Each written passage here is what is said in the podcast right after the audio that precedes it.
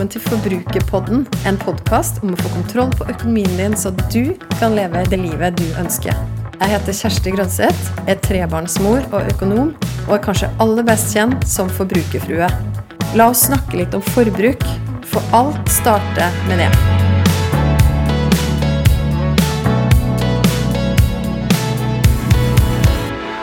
I dag i Forbrukerpodden så har jeg besøk, og er så heldig vil jeg si, å ha besøk av en dame som jeg ser veldig masse opp til. En dame som er relativt ofte i media. En dame som er utrolig klok og kunnskapsrik, og som alltid har noe bra å komme med. Men så er hun også veldig hyggelig å snakke med. Så jeg har lyst til at du nå som hører på Forbrukerpodden, skal få bli litt bedre kjent med denne dama. Og den dama jeg snakker om, hun heter Kristin Skau, og hun er daglig leder i Aksje Norge. Velkommen, Kristin, til Forbrukerpodden. Takk, så hyggelig å bli invitert. Så veldig hyggelig intro, da. Men det er helt sant, jeg mener det. Du, nå har jeg jo snakka med deg første gang, tror jeg. Intervjua deg til bloggen min for det begynner å bli et par år siden, faktisk. Da husker jeg snakka med deg mens du var på korpsstevne. Den gangen man kunne møtes på sånt, for ganske nøyaktig to år siden. Og da hadde du tid til å prate med meg i en pause, og da skjønte jeg allerede da at ok, det her er en, en dame som er veldig hyggelig å prate med, som man alltid får noe ut av å prate med. Så det var liksom starten. Ja, det, takk. Det var, det var, en hyggelig samtale, husker jeg. Det var, eh, og det var en hektisk eh, dag, ja, med mange korpsmusikanter som løp rundt og mye lyd. Så, eh, men vi fikk pratet litt om økonomi og sparing og sånn. Det var hyggelig. Det er det alltid gøy å snakke om. Ikke sant. Og så, nå da, Kristin, så har jo dere kommet med jeg vil si, ganske ferske tall, dere i Aksje Norge, om at i 2020 så var det da rekordmange kvinner som ble aksjeeiere. Ikke mindre enn 137 000 kvinner har nå aksjer på Oslo Børs, og det var 22 000 flere enn for ett år siden, viser de tallene. Hvorfor tror du, eller Først og fremst gratulerer med det, for det er jo noe som du også brenner for å, og, og ha jobba for. Ja, altså takk. Eh, dette er det jo mange som gjerne vil se at stadig at, altså Man ønsker jo at flere kvinner også finner veien til aksjemarkedet og får mulighetene til å ta del i det, eh, det som skjer i aksjemarkedet. Få, få, si, få avkastning på sparepengene sine, eh, men også kunne det å kunne være eiere. Eh, og det er jo gøy når det er så mange som har funnet veien til aksjemarkedet, men, men det har sine det er sånn med bismak. For jeg, jeg, jeg, er jo veldig engstelig for at uh, man har tatt for høy risiko, eller at man kan tape penger og sånn. For det, det, er det å passe på at folk vet hva de går inn i før de gjør det, som jeg syns er ganske viktig å, å jobbe for. Og det, og det bruker jeg mye tid på, å prøve å dele kunnskap om uh, hva investeringer i aksjer og fond betyr. Eh, men det er like viktig for menn også som for kvinner. Det er ikke noe forskjell der egentlig, det er bare at eh, kvinner henger litt etter i forhold til menn. Så hvorfor tror du akkurat da 2020 ble et sånt rekordår nå? Det ble, for det første så startet jo egentlig Vi så begynte å se en bevegelse allerede i slutten av 2018. Eh, hvor det kom en økende interesse. Aksjemarkedet hadde allerede gått bra i noen år, og, og vi så også at uh, rentene var veldig lave. Og I 2019 så fikk vi egentlig allerede et rekordår. Med, for Normalt så er det bare rundt uh, mellom 1000 til 6000 nye aksjonærer på børsen, men i 2019 så var det over 20 000. Og denne trenden fortsatte da når vi startet i første kvartal 2020, før vi liksom visste hva covid-19 var, så var det fortsatt sånn at børsen hadde jo gått vanvittig bra i 2019. Og det var mye skriverier om dette, og mange som tenkte at dette, dette vil jo jeg også være med på. Uh, og det så ikke ut som vi fikk noen oppbremsning med en gang i, i 2020. Og, så det var mye skriverier om det i aviser og mye snakk om det i sosiale medier. Men så fikk vi jo eh, plutselig nyheter om korona, og vi fikk en helt annen hverdag alle sammen. Eh, og da så vi også at vi fikk enormt mange nye aksjonærer til børsen. Så bare i første kvartal 2020 så kom det 33 000 nye aksjonærer til Oslo Børs. Og mange av de kom før fallet, og mange kom mens det store fallet pågikk eh, i disse ukene i februar og mars. Så mange fikk jo da kjøpt eh, aksjer på litt høyere nivåer enn det vi var nede på, og noen fikk kjøpt det billigere enn det vi er på i dag. Men det er et sammensatt bilde. Jeg tror eh, det har vært en kombinasjon. Folk har hatt bedre tid, og mange ville fylle den tiden med noe nytt og noe annerledes.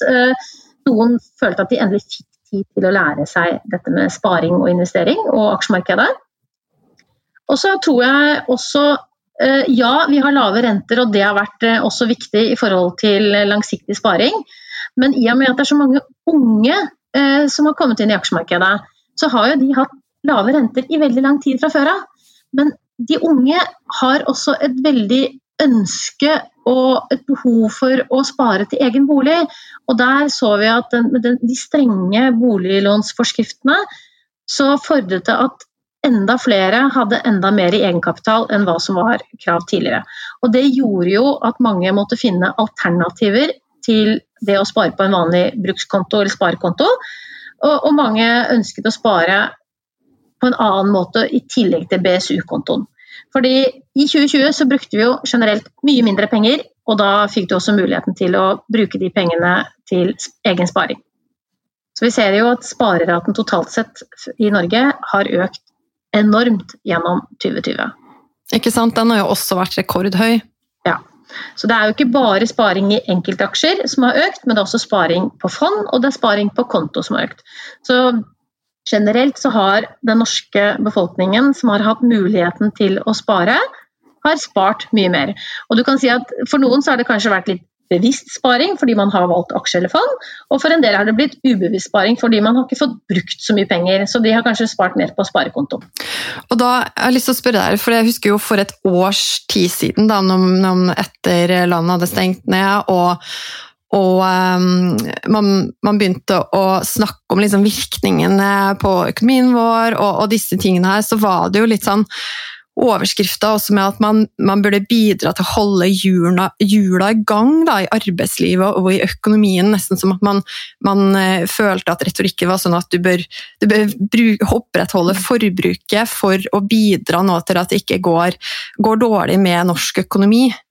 Uh, det husker jeg var, var en del overskrifter knytta til det. Hva, hva, tenker du om det nå når ting kommer til å åpne opp litt mer? Altså, de som da har hatt mulighet til å spare i løpet av det siste året. Kanskje har man funnet noen nye vaner i økonomien sin. Kanskje er det som du sier, litt sånn ufrivillig sparing. Altså, eh, hva, hva, tenker du? Mener du at vi har et type ansvar som det for å få, få i gang hjula igjen? Eh, ja, man har jo kastet ut dette dugnadskortet eh, ganske sterkt. Eh, og det handlet jo ikke bare om som du sier, om det å holde meteren og bruke munnbind og sånn, men det handlet også om at vi skulle bruke penger.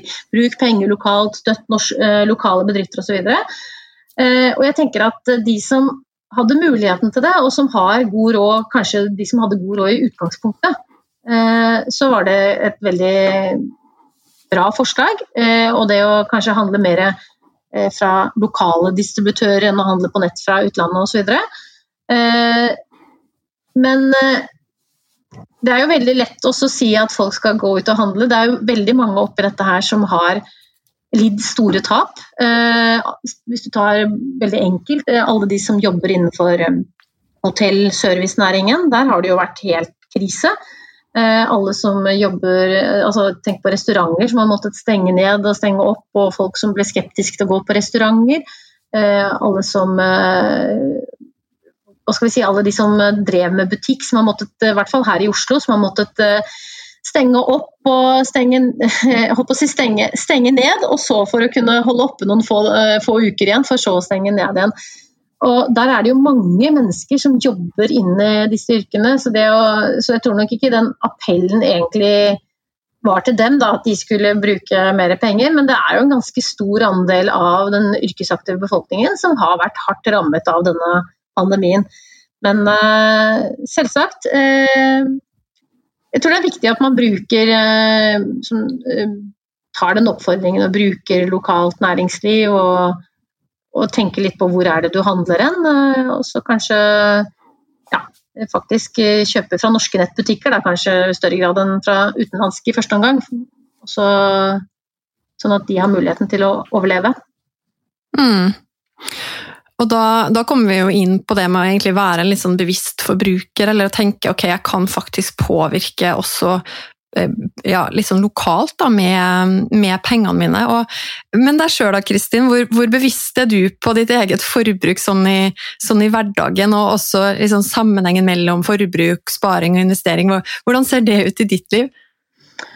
Jeg må jo innrømme at jeg er tidvis bevisstløs. Eh, får litt kjeft av mannen for at jeg handler på Meny og ikke går på Kiwi alltid og kjøper melk og sånne ting. Eh, eh, så summen av oss sånn sett er veldig bra. Men i forhold til sparing så har jeg jo hatt en spareavtale Jeg aner ikke hvor lenge jeg har hatt den, det må være flere tiår. Til sparing til pensjon eller sparing i fond. Eh, og jeg har jo satt opp spareavtaler til egne barn. Eh, kombinasjon av eh, en konto for at pengene skulle være mer likvide. Og, og, som er egentlig sikkert fy-fy i forhold til at det ikke gir noe rente, men det var liksom litt å bevare noen penger. Og så er det noen ting som sparer fast i fond til egne barn. Så der har jeg satt opp aksjesparekonto til til både meg selv og til de, og så, og så har de fått Og Så har jeg bare merket de med deres navn, da. Og så får de muligheten til å følge litt med på dette en gang iblant. Da stjeler de jo mobilen min og dytter den opp i ansiktet på meg med Face ID. Så er de inne i en eller annen spareapp og, og spør hvordan det går med fondet sitt, og, eller de fondene, da, for det er forskjellige fond. Uh, og så prøver, prøver, jeg å få i gang samtalen noen ganger om det. Det er litt sånn vekslende hell, vil jeg kalle det. Uh, men vi så, men, men, jeg tror det er viktig det å ha et bevisst forhold til det. Det har jo vært ulike faser av mitt liv hvor det har vært eh, veldig stram økonomi og veldig god økonomi. Jeg husker jo da jeg var nyutdannet og først, etter første jobben og tjente plutselig masse penger vet du, i forhold til hvordan å være student. Da var det nok eh, litt mer fri flyt ute på, på byen, for å si det sånn. Var ikke, tenkte ikke over om man tok én eh, flaske rødvin eller to flasker rødvin og var litt spandabel. så, så, og når du får barn, så, så, kan, kan, du jo ikke tenke eller holde på sånn. Da, de vokser. og Jeg kjente på sønnen min her om dagen, for han vokser så fort. Han har vel vokst en centimeter nå siste måneden, er vel 15 år. og de vokser, ikke sant? Buksene blir kortere. Mine barn har jo alltid hatt litt klær som de kan vokse inn i, f.eks. Så, så, det er, selv om innimellom kan virke litt bevisstløst på forbruk eh, ved at det handler på Meny og ikke Kiwi alltid, så, så, det, så, følger jeg jo med på hva ting koster, og er opptatt av hva det koster, og hvor mye penger jeg bruker på det. Og trenger man egentlig det, ikke sant. De fleste av oss kunne sikkert ha gått i klesskapet sitt uh, og tittet og sett at det er ganske mange plagg der som vi ikke bruker. Uh, og jeg tror jo kanskje at med denne pandemien at vi har lært oss at vi trenger ikke nye ting hele tiden, uh, selv om det er hyggelig. Og vi kommer jo aldri livet til å kunne ta igjen det forbruket som vi ikke hadde i fjor. Og det blir jo en utfordring for de som tapte på det, da, hvis du tenker på klesbutikker f.eks. Eh, altså, si at du skulle ha kjøpt tre nye bukser i fjor, så kjøper du ikke seks nye kanskje i år. Og jeg tror også folk har fått inn noen gode sparevaner eh, det året som har vært. Eh, at man ser at det er mulig å spare. Eh, og man ser også kanskje at eh, vi ikke trenger alt det som vi har fylt hjemmene våre med tidligere. Ja, for det er jo noen ganger sånn, tror jeg, at man trenger en, en sånn veldig ekstraordinær situasjon eller en krise sånn som nå, da, der man må stoppe opp litt og bremse forbruket og mm. tenke litt gjennom men hva er det som faktisk som betyr noe for meg da, å bruke pengene mine på. Mm. Det har jeg jo snakka med mange som har fått litt sånn åh, oh, wow, vi har faktisk hatt et ganske bra pengeår, om man kan si det sånn. På tross av permittering og, og på tross av redusert inntekt, så har vi faktisk måttet stoppe opp og tenke gjennom og ja, finne ut hvordan vi skal forvalte pengene våre på best mulig måte. Og da, selv om man har gått ned i inntekt, det har jeg flere eksempel på, så har man klart å, å, spare, og gjerne spart opp en buffer for første gang, eller kvitta seg med noe dyr gjeld eller sånn. Og det, det, er jo et eksempel på at ok, av og til så blir vi liksom tvunget inn i noen sånne detox, eller mm. man, må, man, må, stille seg sjøl de spørsmålene, da. Jeg, men jeg tror vi, men det er litt sånn faremoment her, for vi kan lure oss selv litt. Fordi en av de grunnene som har gjort at mange på en måte kanskje ikke kom i den der kredittkortminusen etter sommerferien, det var jo at man ikke hadde kanskje like dyr sommerferie i fjor som man normalt ville hatt. Og det gjør man kanskje ikke heller i år, eh, fordi det er veldig Sannsynligheten for å reise til utlandet er vel kanskje liten i år også. Eh, og med en gang man tar denne si, klassisk norske sydenturen, det er jo da pengene begynner å løpe på sommerbudsjettet. Så, men eh, på en annen måte så brukte vi jo veldig mye penger på hengekøyer og telt som primuser i fjor. Eh, jeg husker jeg sto utenfor XXL og måtte le litt når jeg så Eller smil, lo ikke, jeg smilte. Eh, for jeg ser jo heller ikke ut som en sånn typisk hengekøyeperson. For øvrig ikke, kjøpte jeg ingen hengekøye, men jeg kjøpte noen nye tilbehør til primusen og til teltet. Og måtte jo smile litt når jeg så på andre som ser ut som meg, at vi hadde godt av å trene litt mer. og som kom ut av eh, sportsbutikkene med friluftsutstyr som fordret et litt annet liv enn vi kanskje normalt ville hatt på ferie. Og jeg fikk også et par netter på, i telt i fjor. Eh, og det er jo ikke drømmeferien for meg å ligge, ligge i nedoverbakke sånn halvdårlig omlag med tre andre liggende tett opptil deg og, og, litt sånn kondens på teltduken. Eh, men eh, samtidig så var det veldig hyggelig, og det kan et eller annet sier meg at vi kommer antagelig til å ha en sånn sommerferie igjen i år. Eh, og det betyr jo at nordmenn får nok en sommerferie, kanskje, som de kan bygge opp enda mer sparekapital og få enda nye, gode sparevaner. Så går det jo faktisk an å allerede nå begynne å spare til sommeren 2022. Hvis man eh, tenker at ok, da, da er det mulig å Da har i hvert fall vi plan om å reise til utlandet. Ja, ikke sant. Og det noe sier meg da at uh, flyselskapene trenger jo ikke å ha salg på flybilletter. Og det bør ikke være salg på hoteller til neste år. Uh, så jeg tror nok vi må også beregne, på, uh, ja, regne med å måtte betale godt for både flybilletter og hoteller til neste år, når vi da vil ut og reise. Så det er veldig lurt å spare på forhånd. Og det smaker så utrolig mye bedre å komme hjem fra ferie og vite at ferien var betalt, enn å komme hjem fra ferie og måtte vite at nå skal du betale for den de neste tolv månedene. Mm. Ja, Det er et utrolig godt poeng. Så la oss si at uh, herved så alle som hører på nå, oppfordrer til å lage seg en spareplan så, så fort som mulig, som heter Sommeren 2022, og så begynne å sette inn penger der. Gjerne også månedlig. Og det må du få med gutta på, for at vi jentene, vet du Jeg tror at vi jentene har noe i oss der. For i hvert fall i min syklubb, da, for å kalle det det, som jeg har kjent siden jeg var 16 år, eh, når vi har hatt, planlagt en jentetur fem år frem i tid, for det er jo sånn vi har planlagt noen ganger, så har vi satt opp en konto hvor alle har liksom satt, opp, eh, satt av 200 kroner måneden eller noe sånt nå, inn på den kontoen, og så var det jenteturen. Den store jenteturen. Og det tror jeg hvis man hadde gjort det også for familien, så tror jeg man hadde kommet litt heldigere ut av det sånn forbruksmessig, da. Og ikke måtte ty til kredittkortet så mye. Veldig smart. Du, vi var jo litt inne på hengekøya, og sånn, og du snakka om ting som, eh, ting som, du gikk til innkjøp av, som du kanskje ikke vanligvis eh, ville gjort. Men, men har du noen ting som du bare sånn Dine luksuser i hverdagen, eller noe du bare virkelig elsker å bruke penger på? Jeg er jo veldig glad i å lage mat. Eh, så det å lage gode helgemiddager, det bruker vi litt eh, penger på hjemme hos oss. Og så er jeg jo altfor sosial, så det å ikke kunne treffe folk under pandemi, det har jo vært fryktelig vanskelig. Eh, og derfor ble det også bålpanne til jul. Og det har vært mye pølseservering i haven med gode meter og tometere og saueskinn, så jeg har kjøpt litt flere saueskinn enn jeg normalt ville hatt.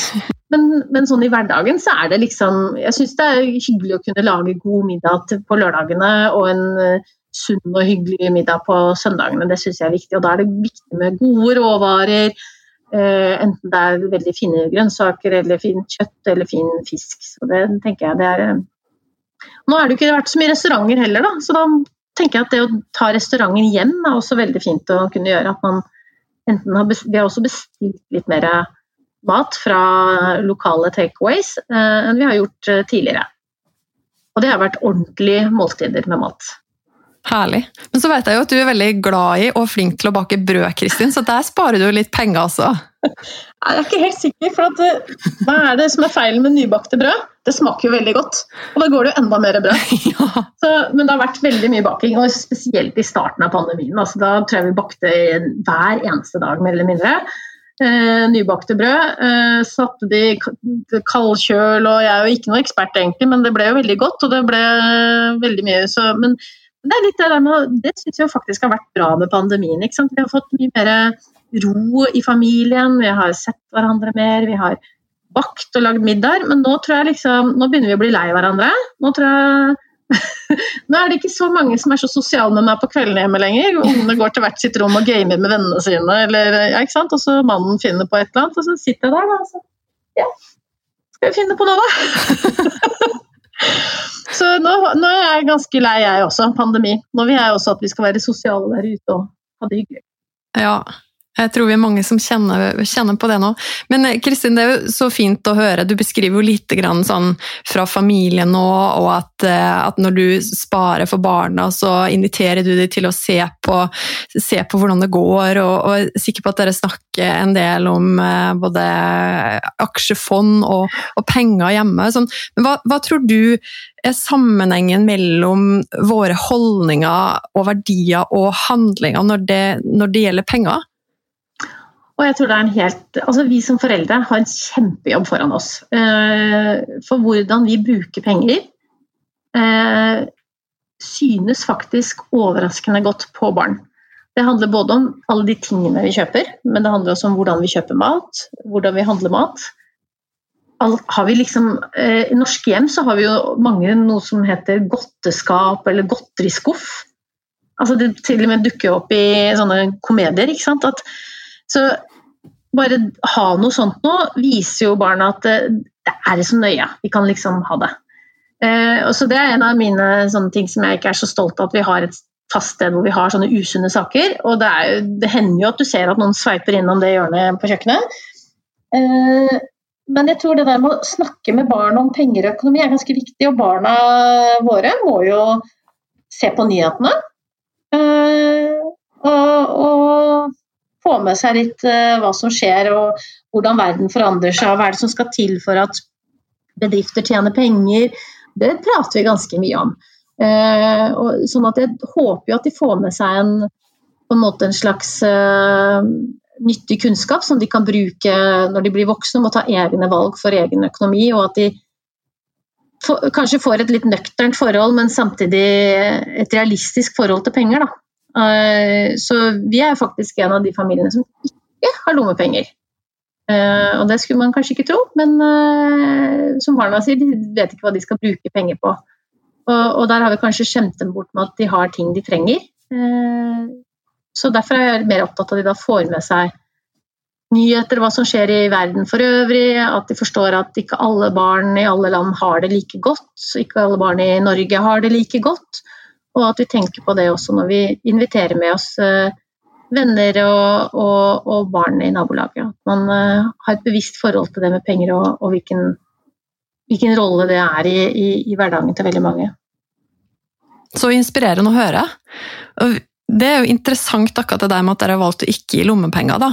Her i, her i heimen så har vi hatt en, en diskusjon på det. For sånn som jeg har eh, tenkt i utgangspunktet, så var det sånn ja, men det er jo en fin måte for barna å, å lære seg om penger. Hvis de får lommepenger, så, så lære seg hvordan de kan forvalte de. Men, mens mannen min, han, han har egentlig valgt litt samme som deg. da, At han, eh, han har vært veldig på at nei, de skal ikke få lommepenger fra oss, men han, han, er jo gründer, så han har jo da eh, har jo en, en, del interessante samtaler med vår eldste sønn, som nå blir åtte i år. Og mm. han har jo blitt veldig gira på faktisk å klekke ut nye ideer til hvordan man kan tjene penger sjøl. Så mm. det er litt kult også å se. Så de to de, de har lagd seg noen sånne prosjekter innimellom, hvor de snakker om hvordan de kan skape verdi og å tjene penger sjøl. Så det, det, er også en måte. Jeg tror det er kjempeviktig. og det, det er sånn, vi, vi, prater jo også veldig mye om det at hva, Hvis du skulle starte opp en bedrift, hva, hva ville du ha gjort da? Og, ja, hvordan skulle du kommet i gang? Og, eh, og, ha litt sånne ideer og tanker rundt det. Da, og ikke minst prøve å forstå at det å gå på jobb er ikke bare å gå på jobb, men det er å skape verdier eller, eller eh, altså ene er jo at du skal ha penger for å kunne ha mat på bordet eh, og betale husleie eller, eller lån eller hva det måtte være, men det også å forstå forstå konseptet med det å gå på jobb. At du skaper en verdi for den arbeidsgiveren din, og at det skal gå i pluss. og at ja, at Hvis du da skal selge et produkt, da, at du faktisk skal tjene penger på det, at du skal få dekket kostnadene dine, kanskje du kan gi arbeid til andre, og at det sysselsetter flere, og at de får også muligheten til å ha et godt liv. Da.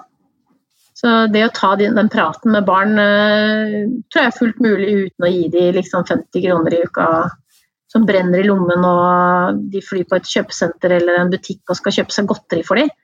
Eh, så, men vi har vært mye mer strenge på at de har ikke fått lov å gå i butikken alene. Uh, og nå får de jo lov til det, men de har jo ikke noe behov for det. De er vel ja, snart 13 og 15. Eh, og det er ingen av de som går i butikken alene for å handle godteri eller noe sånt. Og det har vært litt is om sommeren, men utover det så har det ikke vært noe. Og det er jeg faktisk ganske stolt av, at de har ikke noe behov for å fly ned på McDonald's eller Burger King eller hva det måtte være. Det, det, er jo, det, er veldig inspirerende, og det jo, handler jo om å skape de sunne vanene. Da. Også, også vaner, pengevaner fra, fra, tidlig alder. Så takk for at du deler de tingene her, Kristin. Og det er jo litt sånn når vi snakker om det med å, å, å snakke med barn, da, og, snakke sjøl og bli bevisst på hva er det som skaper verdi, og hvordan man tjener penger. Så da er man jo også inne på kjernen av verdiskapningen i samfunnet og, og mm. aksjemarkedet som sådan. Jeg husker jeg hørte deg på et foredrag som, der du sa noe om at okay, det med å investere, det handler om på en måte ta del i verdiskapningen som skjer i samfunnet. Og det, mm. det likte jeg veldig godt det du sa der, for at det løfter også perspektivet. Og, og, litt sånn tilbake igjen da, til eh, det vi starta med å snakke om, hvor mange flere som er nettopp interessert i å få med seg og få sin andel av denne verdiskapningen, og som har begynt å investere bare de siste åra. Jeg vet jo også at du, du tenker jo at ok, gjennom å skape noen forum for å snakke om disse tingene. Du starta jo Aksjejentene på Facebook, som har blitt en gruppe med 22 000 medlemmer sist jeg sjekka. Så kan man også få opp liksom, eller fellesskapet rundt. Da. Og det, det, er jo også utrolig inspirerende å være en del av, når man er en del av disse fellesskapene. Så jeg har lyst til å spørre deg, altså, hva, har, du noen, har, du noen, eksempel eller historier å dele, dele derfra? Og ja, det er, eh, det er, jo kjempegøy med Aksjejentene. For den, eh, den, opprettet vi egentlig bare sånn Tenkte at det var fint å vise at det går an å lage en gruppe hvor man kan være bare kvinner som diskuterer og, og stiller spørsmål om sparing og investering. Og jeg hadde egentlig ikke noen sånn store ambisjoner om at det skulle bli så veldig stor gruppe, men det skulle liksom dekke et lite behov som jeg tenkte kanskje var der. Fordi jeg oppdaget jo at på en del andre fora så var det en litt sånn eh, sånn hissig tone. Da. Og så tenkte jeg at vi må lage en hvor det er lav terskel for å stille de enkleste spørsmål, og så skal vi være rause og ha det høyt under taket for å, for å nettopp gi disse svarene og, og, dele av egne erfaringer. Og Det jeg syns er imponerende med denne gruppen aksjentene, er at disse damene som er medlem av gruppen, de er ekstremt rause mot hverandre. Svarer på spørsmål, deler erfaringer. Og det kan være sånn at eh, noen kan ha tenkt at jeg har lest i avisen at GameStop gikk veldig fort, eh, eller gikk veldig mye opp i aksjemarkedet og tenkte å, det skal jeg være med på, og gikk inn i markedet og kjøpte én aksje, for det har man hørt at man kunne gjøre. Men så ble det jo Plutselig så var man i minus før man hadde rukket omtrent å trykke på, på kjøp, fordi det var gebyrer knyttet til det. Og da kunne noen forklare at ja, men det er fordi du har ikke tatt hensyn til at det koster noe å kjøpe og selge denne aksjen, og du har kjøpt for lite. Og så deler man av det uten at det behøver å være en sånn fagekspert som kommer med pekefingeren og forteller at uh, nå har de gjort det feil igjen, liksom. så jeg syns det har vært en veldig bra tone der, og, og du får opp mange forskjellige vinklinger på, på, hva det er som gjør at folk kan være interessert i å starte sparing, og du får, du får også høre hva som er Si, som er barrierene for å begynne. Da. Eller, så vi som jobber innenfor bank- og finansnæringen har jo masse å lære av den dialogen som foregår i et slikt forum. Eh, det å prøve å forstå for det, det, ja, Forstå hvor, hva er som hva er det som er vanskelig, og ikke minst er det det digitale som er utfordringene, eller er det er det, transaksjonsmessige, eller er det kunnskapen, eller hva, hva er det? det så jeg syns det er veldig mye fint som er kommet ut av den gruppen aksjejentene. Og, og, jeg tror fortsatt, så kan jeg bare telle på én hånd hvor mange innlegg eh, eller kommentarer vi har måttet uh, fjerne fra en gruppe med over 22 000 medlemmer. Det er ganske utrolig. Mm. Ja, det er veldig. Jeg er jo eh, medlem av flere av disse forumene på Facebook sjøl, inkludert av Aksjejentene, og det er veldig inspirerende. Jeg blir superinspirert mm. sjøl av historiene som veldig mange har å fortelle nå, da, fra bare de siste åra, om hvordan man, man, kaster seg uti det. Jeg blir, jeg blir, skikkelig imponert over hvor mye kunnskap eh, ja, mange har, har fått bare i løpet av det siste året. Så det, det er veldig gøy. Og ikke minst det at noen er så rause at de gjerne deler Jeg tror det er mange som bruker mye tid på disse eh, foraene, og deler av egen kunnskap eh, mye. Og mange av de har jo satt seg veldig godt inn i det og lært veldig mye. Som de deler eh, veldig, veldig bra. Kjempeimponert over alle disse som du skal si, egentlig ikke har det som jobb til vanlig, men som svarer utrolig godt. Så jeg er kjempeimponert over, over alle disse jentene i denne aksjejentene, men også i disse andre foraene som du nevner. Det er jo mange ulike tematikker som tas opp, og, og her snakker vi jo mest om aksjer og fond, men, men, i disse andre gruppene så får det opp andre sånn likestillingsspørsmål, andre mer sånn personlige økonomispørsmål, arvespørsmål osv. Så, videre. så det er fantastisk at det, eh, det finnes sosiale medier for å kunne diskutere, kall det vanskelige temaer. da. Ja, for det er jo noe med at hvem vi omgir oss med, det påvirker jo oss. Og så vet vi at det siste året så har vi jo ikke kunnet møte de vi omgås med fysisk, som vi pleier å omgås med. Så tror jeg også mange har funnet litt sånn glede i disse fellesskapene her. da. Og det at man blir forma av de man omgås, og nettopp ha sånne sunne, gode fellesskap også, også på nett, det, det, det, er bare veldig fint å være en del av. Du Kristin, det her det er veldig fint og inspirerende å snakke med deg. og vi skal gå inn for landinga av denne episoden, men jeg må stille deg et spørsmål til slutt. Og hvis man hører på de som hører på Forbrukerpodden nå, som tenker at ok, der kom det der med aksjer og fond igjen. Altså, det har jeg jo egentlig litt lyst til å starte med, men jeg veit ikke helt hvordan. Kan ikke du si litt sånn hvor, hvor starter man? Først og fremst så bør man jo ikke gå over bekken etter vann. Eh, for de fleste har jo allerede en avtale med banken sin. Og banken har mest sannsynlig også eh, et tilbud av eh, en fondshandelsløsning, altså hvor du kan kjøpe fond, eller en løsning hvor du kan kjøpe aksjer. Og for at vi privatpersoner skal bli likestilt som de proffene, for å kalle det det, som driver og investerer gjennom investeringsselskaper og AS-er og sånn, så har man eh, laget en ordning som heter aksjesparekonto. Så hvis du har bestemt deg for at du skal begynne å starte å spare i aksje eller, fond, eller aksjefond, så oppretter du først og fremst en aksjesparekonto. Og det gir deg utsatt skatt på gevinst og utbytte. Eh, og det er utrolig enkelt å handle med aksjer og fond gjennom denne løsningen. Og så det, får du til, tilgang til enormt mange eh, fond, eh, ofte egentlig for mange. Eh, så her som nybegynner så kan man starte veldig enkelt og f.eks. velge bare et globalt aksjeindeksfond. Da får du liksom god spredning på alle sparepengene dine. Men det, det, første du gjør, det er jo rett og slett å finne ut av eh, at du skal investere i aksjer og aksjemarkedet, og hvor mye du skal investere i. Og, eh, og da oppretter du en aksjesparekonto hvor du setter inn penger. Så er det viktig å merke seg at på en aksjesparekonto så får du ikke rente på konto, så dette er penger som skal være i arbeid, som det heter. De bør investeres i enten aksjer eller aksjefond.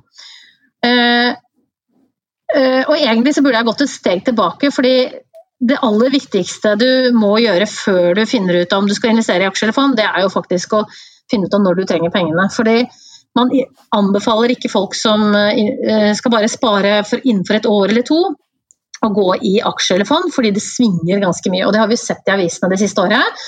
At, eh, eller på daglig basis at noen aksjer stiger med både 5 og 10% eller faller med 5 og 10 Eh, mens det mest vanlige er at hovedindeksen, altså den temperaturmåleren for å kalle det på aksjemarkedet, den svinger med sånn 1-2 enten opp eller ned hver eneste dag. Eh, og Derfor er det viktig da, når du går inn i aksjemarkedet, at du har en langsiktig horisont, så du ikke blir så sårbar for de daglige svingningene i markedet. Og så er det sånn også at du skal eh, Når du går inn eh, og sparer i aksje eller aksjefond, så er det viktig å spre risikoen. Og Det tror jeg er den største feilen vi privatpersoner gjør når vi går inn og skal investere i enkeltaksjer. Det er at vi velger den ene aksjen som vi har hørt veldig mye om, som hørtes kjempespennende ut, og så investerer vi eh, det vi hadde tenkt i aksjer i den ene aksjen. Og da blir du veldig sårbar for svingninger. For hvis du har valgt en aksje, og den ikke stiger allikevel, men plutselig faller med 50% så har du jo tapt 50% av sparepengene dine. Hadde du derimot investert i, i ti forskjellige aksjer, så jo, utgjør jo dette betydelig mindre andel. Så hvis du, tatt, hvis sier at du hadde investert i ti forskjellige aksjer, og den ene aksjen går i null, da, og du, du taper absolutt alle pengene, så har du bare tapt 10% av totalen. Og Derfor er det også viktig at hvis man ikke har lyst til å gå i enkeltaksjer fordi man syns det er litt skummelt eller man har veldig små penger man skal investere for, og når jeg snakker om små penger så er det liksom under 10 000 kroner, så er det bedre å gå i et aksjefond. Der er det allerede noen som passer på aksjefondet, og du har spredning på i hvert fall 25 eller flere selskaper som regel. Det kan du lese om fondsfakta eh, om fondet. Så ser du hvor mange selskaper det er investert i, og hvilke regioner og hvilke bransjer. eller om det er veldig bredt eller veldig spisset. Eh, mens hvis du velger et globalt indeksfond f.eks., så er det ofte mange hundre, hvis ikke tusen selskaper som er investert i. Og da er du mye mindre sårbar for disse enkeltsvingningene i et enkeltselskap. Eh, og så tenkte jeg, Kjersti, noe som er veldig viktig. Da. Eh, det er en sånn myte at uh, mange som sier at uh, mange, du skal ikke investere i aksjer hvis du ikke har råd til å tape det.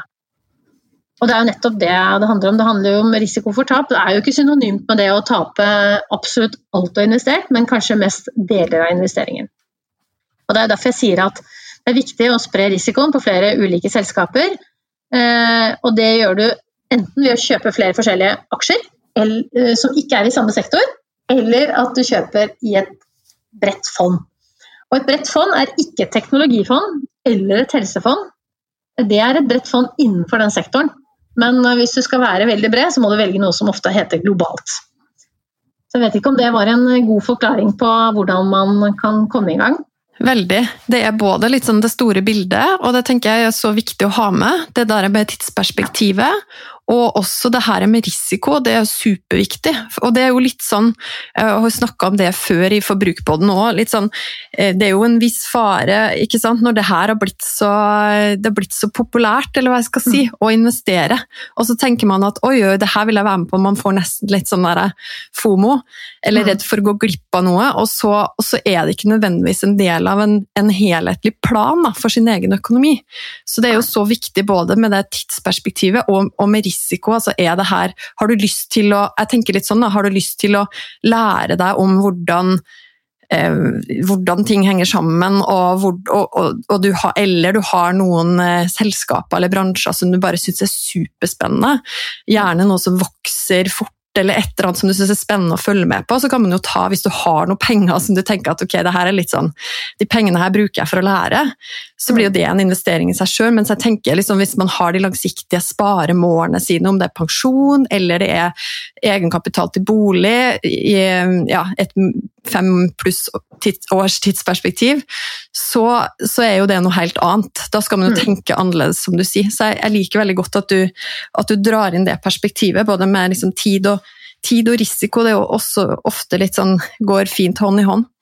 Og ikke minst det der med å komme i gang i, med hvordan man kan gjøre det med aksjesparekonto i, i nettbanken sin. For det, det, er ofte lettere enn man, enn man tror når du begynner å investere, da, si at du har ja, men dette fondet her kjøper jeg, og dette skal jeg spare månedlig, fast månedlig de neste fem-ti årene, så er jo største problemet med oss nord øh, nordmenn, sier jeg, men det største problemet til oss folk er jo at vi blir veldig kortsiktige med en gang vi har handlet. Så hvis du har begynt å spare i et fond, og du går inn og sjekker kursen etter to-tre dager etter at du fikk det fondet inn på aksjesparekontoen din, og du ser at det har gått ned med kanskje 1 eller 2% allerede, så må du jo ikke miste motet, for dette er jo langsiktig sparing. Eh, men hvis det er sånn at dette tikker nedover hver eneste dag i, over, en, over, en, lengre periode, eller at du leser nyheter som sier at dette fondet du valgte, da, eh, kanskje ikke var så klokt allikevel, så bør du gjøre en ny vurdering. Men det er viktig å ikke bli kortsiktig. Du hadde jo en langsiktig plan med dette her. Veldig bra. Du, Kloke ord på tampen av episoden her fra deg, Kristin. Tusen hjertelig takk for at du ville være gjest hos meg i studio her, i digitalt studio. Og jeg er jo, syns alltid det er spennende når du dukker opp eh, i nyhetene og deler av din kunnskap, dine perspektiv. Så jeg ser fram til å følge med på deg framover. Og så vil jeg bare ønske deg gode dager, Kristin. Og det er ikke så lenge. Vi, vi, får se fram mot sommeren, og så får vi se fram mot sommeren 2022, sånn som vi har vært litt inne på. Hvor eh, vi mest sannsynlig da kan, kan begynne å reise litt igjen, og det, det vet jeg at du ser fram til også. Tusen takk, Kjersti. Jeg gleder meg til både å sees og reises. Og, og, tusen takk for at jeg fikk eh, være med og snakke med deg i dag. Det var veldig hyggelig. Jeg vil gjerne vite hva du tenker etter å ha hørt episoden. Så koble med meg på Instagram. Der finner du meg som forbrukerfrue. Send meg en melding. Tagg meg gjerne i Story og del episoden her hvis du likte den. Eller send meg spørsmål. Og husk å abonnere på podkasten Forbrukerpodden, så får du beskjed hver gang det kommer en ny episode. Vi høres!